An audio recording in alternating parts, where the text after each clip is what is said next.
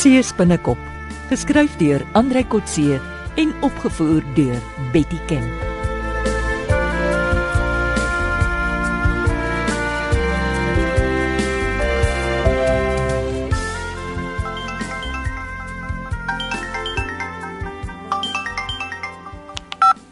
Hallo, Sumi. Is jy daar? Ja, kan jy my hoor Johan? Ons het sein verloor. Jammer my wildsplaas lê mos hier tussen die berge.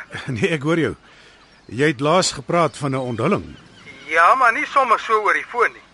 Ek wil jou nooi. Jou en jou meisie. Ek het nie 'n meisie nie. Jou landlady dan, gasvrou, wat noem jy haar? Oh, ek sien jy spioneer op my. Dit moet enkry, Sumi. Jy het geen reg om my privaatheid te skend nie. Ek het nie en ek sal nie. Luister Johan, ek sal jou nooit weer pla oor spionasie nie. Ek wil jou regtig graag hier sien. Ek wil jou wys wat niemand nog ooit gesien het nie. Oh, wat is dit? Renosters wat in vrede en veiligheid woon. Vir hoe lank, Sumi? Hoe meer reklame jy maak, hoe meer nooi jy die stroopers uit. Dis net 'n kwessie van tyd voordat hulle die diere probeer doodmaak vir 'n simpel renosterhoring. Kom kyk na my sekuriteit.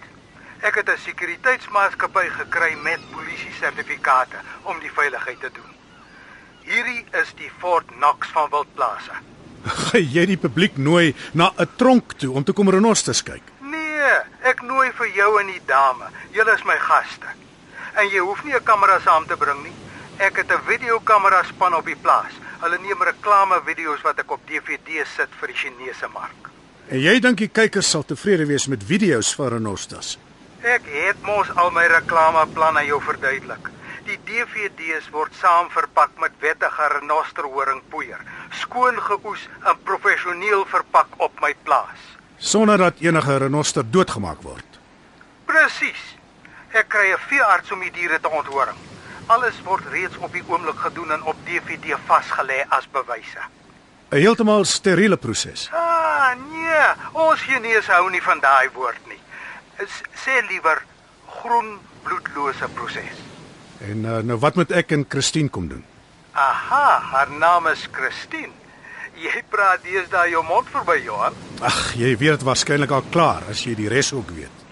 Ek weet dat sy 'n mooi middeljarige dame is. Jy is 'n aantreklike middeljarige westerling. Ek wil julle twee saam laat afneem. Om te wat? Nee, net sommer uh, saam met die renosters. Uh, julle hoef nie te poseer nie. Julle is normale toeriste. So ons is jou sterre. Ja, jy kan maar so sê. Nou, vir wie is die DVD's bedoel? En wie is jou kykers? My kliënte, die poeierkopers. Maar julle sal die eerste kopie van die DVD vir julleself kry. Wat wil jy daarmee bereik, Sumi? Reklame. 'n Middeljarige paartjie op 'n romantiese toer op 'n wildplaas met renosters in die agtergrond en 'n sonsondergang. Gaan bars, Sumi. Jy trek my been. Ek was nog nooit so ernstig nie. Ek sal dit later met jong modelle ook doen, maar onthou, my mark is eintlik die ryk bejaarde Chinese mans. So jy wil vir my 'n skoubul maak. Jy sê vir alles nee wat ek jou vra. Maar jy kom elke keer met sulke belaglike versoeke na my toe dat jy my nooit toelaat om ja te sê nie. Nou goed. Jy hoef nie as model te kom nie. Kom as my vriend. As toerist. Ek beloof ek sal jou nie afneem nie. 'n Spioen was in elk geval nog nooit 'n goeie filmster nie.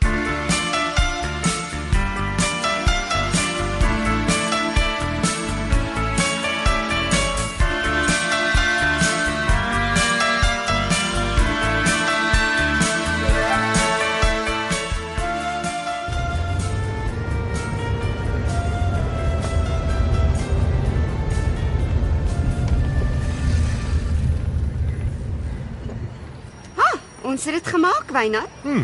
Dis darm heelwat gouer om so Kaap toe te ry as wanneer 'n mens 'n stadige smokkeltrok moet agtervolg. Ja nee, presies uh 2 ure se ry van Agallas af tot by die Somerset Mall. Nou toe, waar moet ons vir Eileen? Uh by die boekwinkel. Ek bel haar gou. Ons het afgespreek. Sy is heel waarskynlik al daar. Kom ons stap so lank. Mooi, Ina, jy was 'n ster. Jy het alles uit haar uitgekry en toe gee sy nog 'n klomp inligting as bonus ook. Wel, sy het net gesels. Sy het nie eers geweet sy gee inligting nie. Ons moet dadelik vir Johan bel. Hy noem so iemand 'n onbewuste bron. O, is dit nou iemand wat onwetend inligting gee? Ja, sy het gesing soos 'n kanarie. sy dink ons is 'n verliefde paartjie wat in 'n grasdak huisie gaan intrek. Ja. Ag, net jammer dis nie waar nie. Uh, ek het dit nie gehoor nie. Eintlik kry ek haar jammer wees. Sy klink vir my so eensaam, so tussen die Chinese. Hmm, eensaam, maar spraaksaam. Ek wonder hoekom het sy met 'n Chinees getrou? Seker maar liefde. Wie ek het gehoor dit gaan so. As jy by 'n Chinese familie intrek, dan word jy deel van die familiebesigheid. O, Ja. Hoor, sê jy gou bestuur, dan praat ek met Johan oor die foon.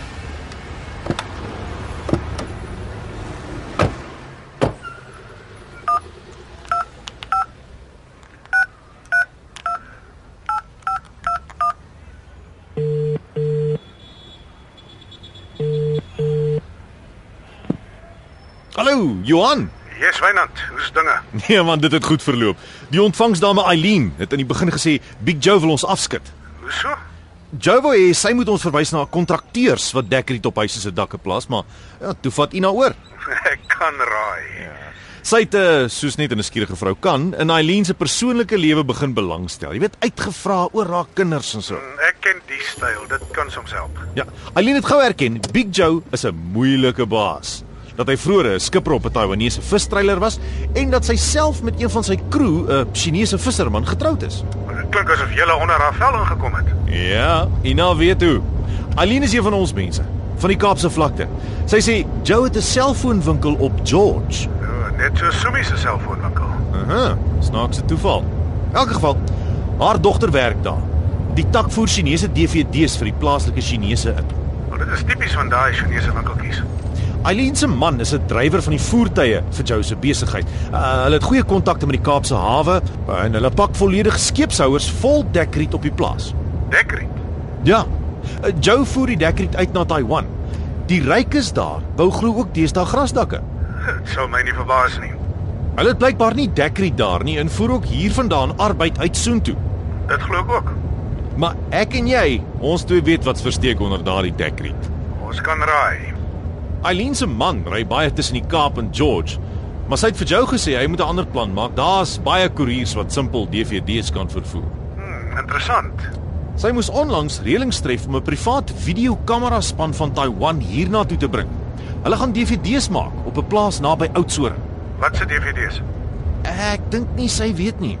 Sy's nogal naïef of 'n baie goeie aktrise. Jy sê sy's nie self 'n Chinese nie. Beslis nie. En sy vertel julle al hierdie dinge. Ja, Ina het haar vertroue gewen. Mooi. Maar ek hoop julle het alle vriendskapsbande met haar verbreek. Google? As sy uitvind wie julle is en waarvandaan julle kom, sal dit nie lank wees voordat Bobby en Fortuin dit ook weet nie. Ag, ek is nie bang vir hulle nie. Nee, dit gaan nie daaroor nie. As hulle weet ons sniffel rond, sal hulle maak soos een van drie diere wat ek ken. Wat se diere? Skilpad, hasie en leeu. Hoe werk dit? Wel, skilpad sal sy kop intrek, 'n hasie sal hardloop, maar 'n gewonde leeu sal gevaarlik raak. En ek dink Fortuin en Bobby sal soos leeu's raak.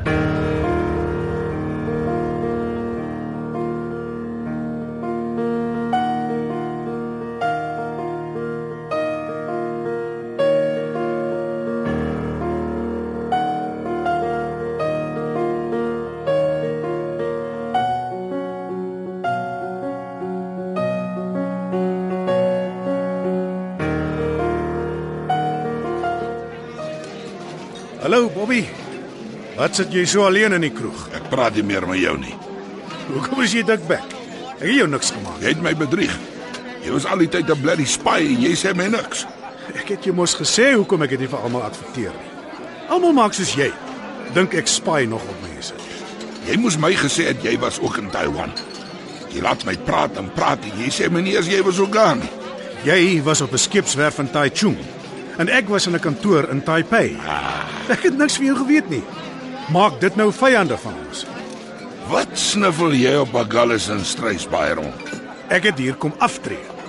Ek antwoord nie weer een van jou vrae nie. Ek sal jou nie weer een enkel vraag vra nie. Jy het my vrae gevra oor die chokkabote waarop ek gewerk het. Ja, want ek stel belang in chokkabote. Kom ek sê jou 'n paar dinge wat jy as 'n kastige spy nie geweet het van chokkabote nie. Ek kan niks daarmee maak nie, maar sê maar. Elke bemanningslid op 'n chokka-boot het sy eie vriesruimte. Daar's wegsteekplek vir Afrika. O. Kan ek maar vra, uh, wegsteekplek vir wat? Alles wat matrose wil hê of wil verkoop. Drank, sigarette, kos, diamante, drugs, jy noem dit. En hulle word nie gevang nie. Nooit op enige chokka-boot waarop ek was nie. Die chokka kom uit in kratte, soos groot ysblokke. En almal weet watter ene die merchandising. Nou wie breek die blokke ys? Die viskopers. Maar daar is 'n kwota wat na die skipper toe gaan. En dit word apart gebreek nadat dit deur douane gecheck is. Hoe weet die bemanning wie se goed is wie se as die ys gebreek word? Elkeen het sy eie kitbag vol van sy eie profit. En die douane weet nie van die matrose se smokkelgoed nie. Ek dink hulle weet.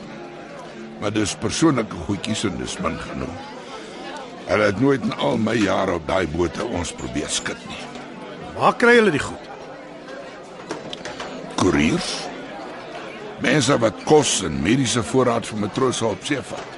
Met voorraadbote. Ja. Partykeer op groot skepe sal hulle dit met helikopters bring, maar vir visdrywers gebruik hulle skiebote en pontoons. Dra alle koeriers sulke smokkelgoed. Nee.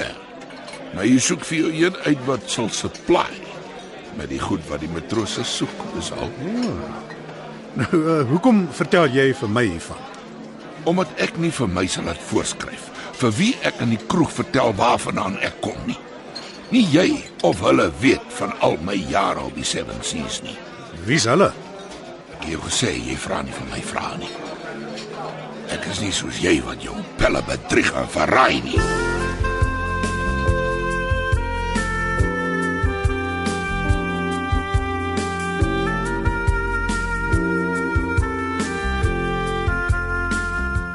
Dit was Seespinnekop deur Andrei Kotse. Die tegniese en akoestiese versorging is deur Henry en Karen Gravett. Die regisseur is Betty Kemp.